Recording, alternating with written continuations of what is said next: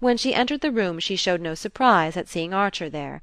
Surprise seemed the emotion that she was least addicted to. "How do you like my funny house?" she asked.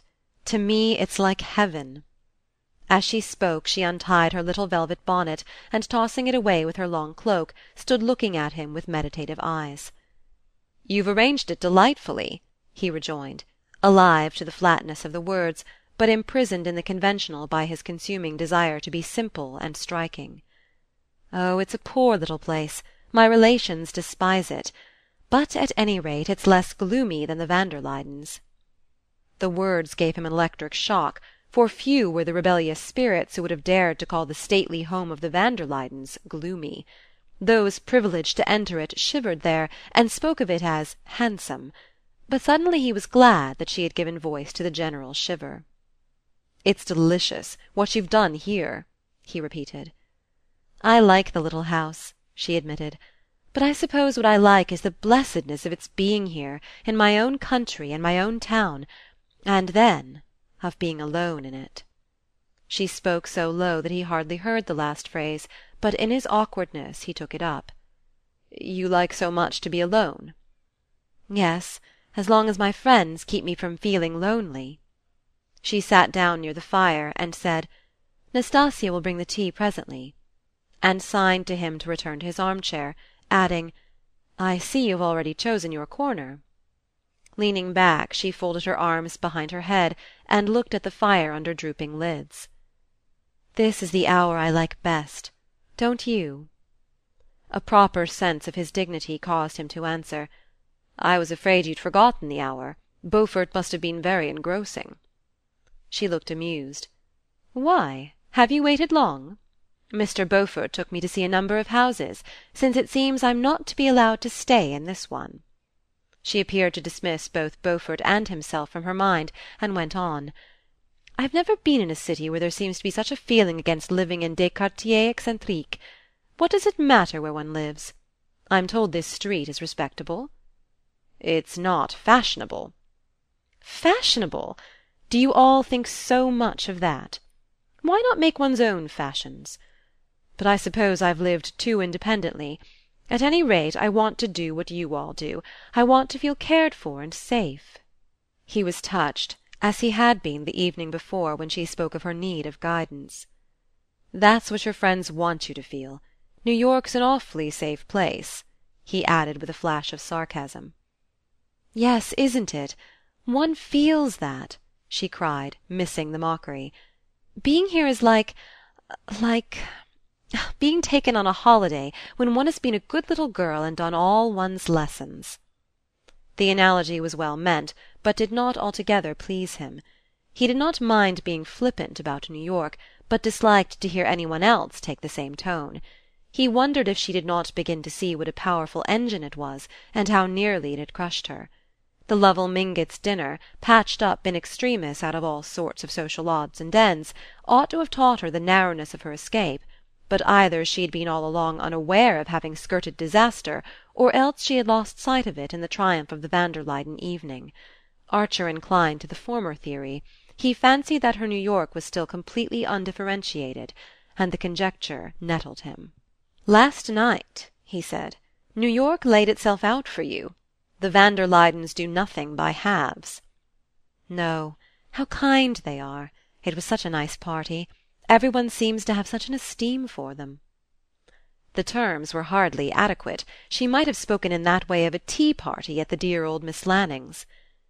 "The van der Luydens," said Archer, feeling himself pompous as he spoke, "are the most powerful influence in New York society. Unfortunately, owing to her health, they receive very seldom.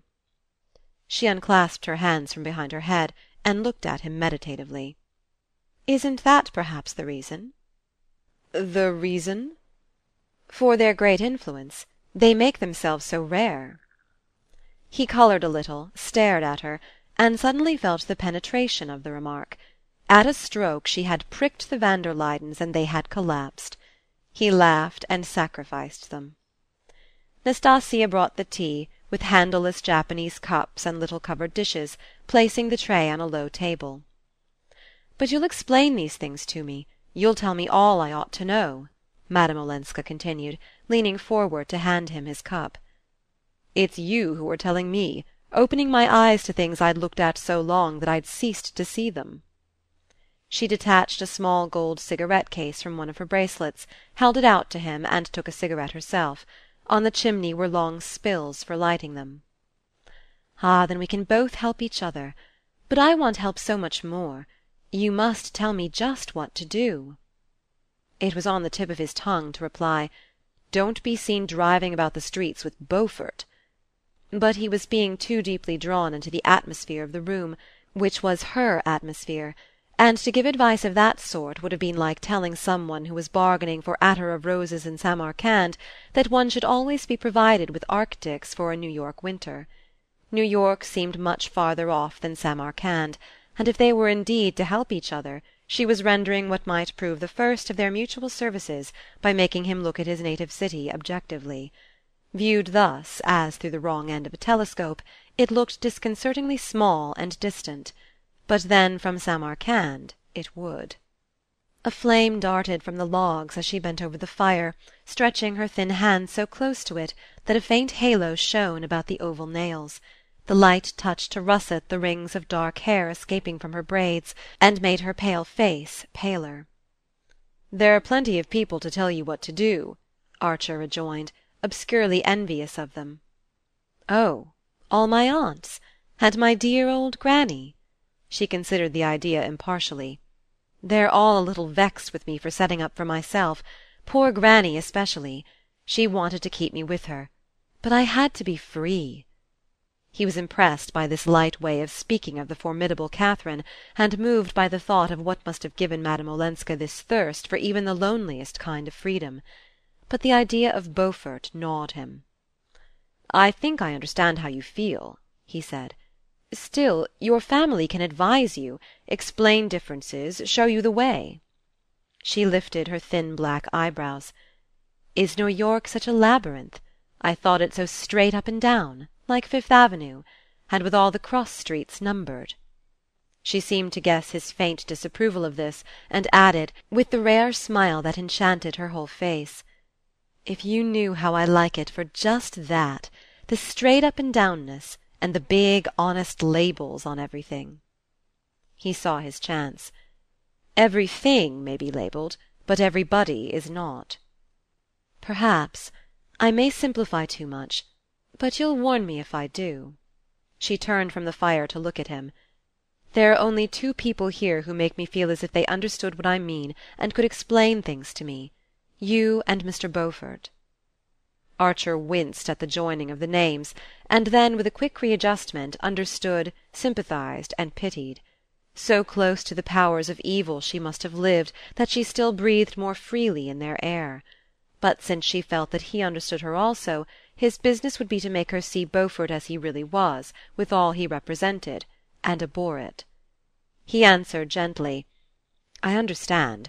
But just at first don't let go of your old friend's hands.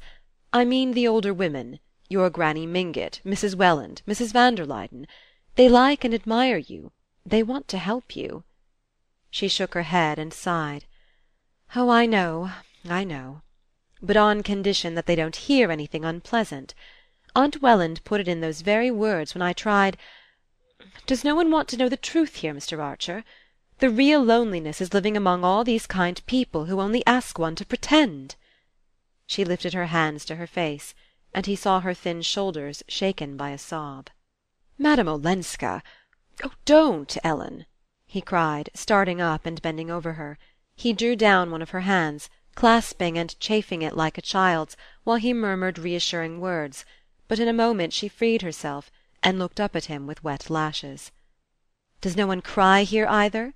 I suppose there's no need to, in heaven," she said straightening her loosened braids with a laugh, and bending over the tea kettle. It was burnt into his consciousness that he had called her Ellen, called her so twice, and that she had not noticed it.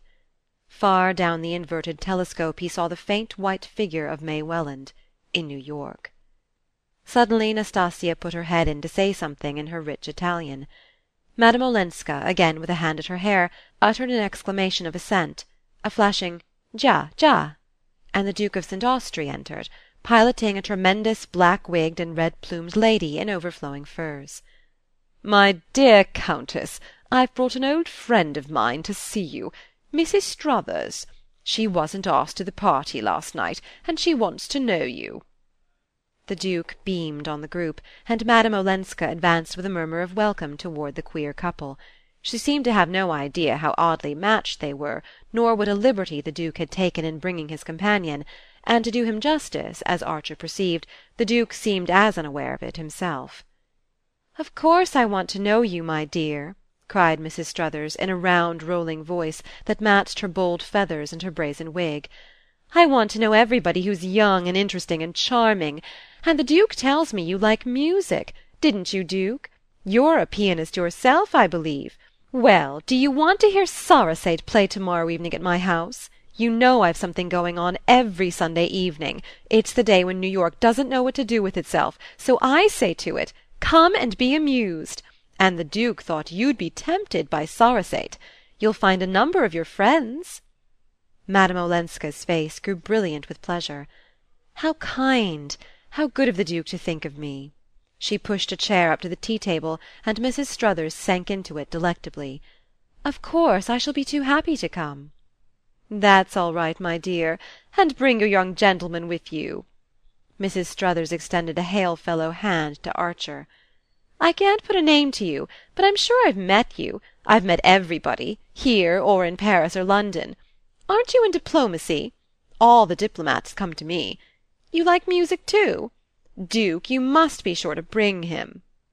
The Duke said "Rather" from the depths of his beard, and Archer withdrew with a stiffly circular bow that made him feel as full of spine as a self-conscious schoolboy among careless and unnoticing elders. He was not sorry for the denouement of his visit; he only wished it had come sooner, and spared him a certain waste of emotion. As he went out into the wintry night, New York again became vast and imminent, and May Welland the loveliest woman in it. He turned into his florist to send her the daily box of lilies of the valley which, to his confusion, he found he had forgotten that morning. As he wrote a word on his card and waited for an envelope he glanced about the embowered shop, and his eye lit on a cluster of yellow roses. He had never seen any as sun-golden before, and his first impulse was to send them to May instead of the lilies. But they did not look like her. There was something too rich, too strong, in their fiery beauty. In a sudden revulsion of mood, and almost without knowing what he did, he signed to the florist to lay the roses in another long box, and slipped his card into a second envelope, on which he wrote the name of the Countess Olenska; and then just as he was turning away he drew the card out again, and left the empty envelope on the box. "They'll go at once?" he enquired, pointing to the roses. The florist assured him that they would.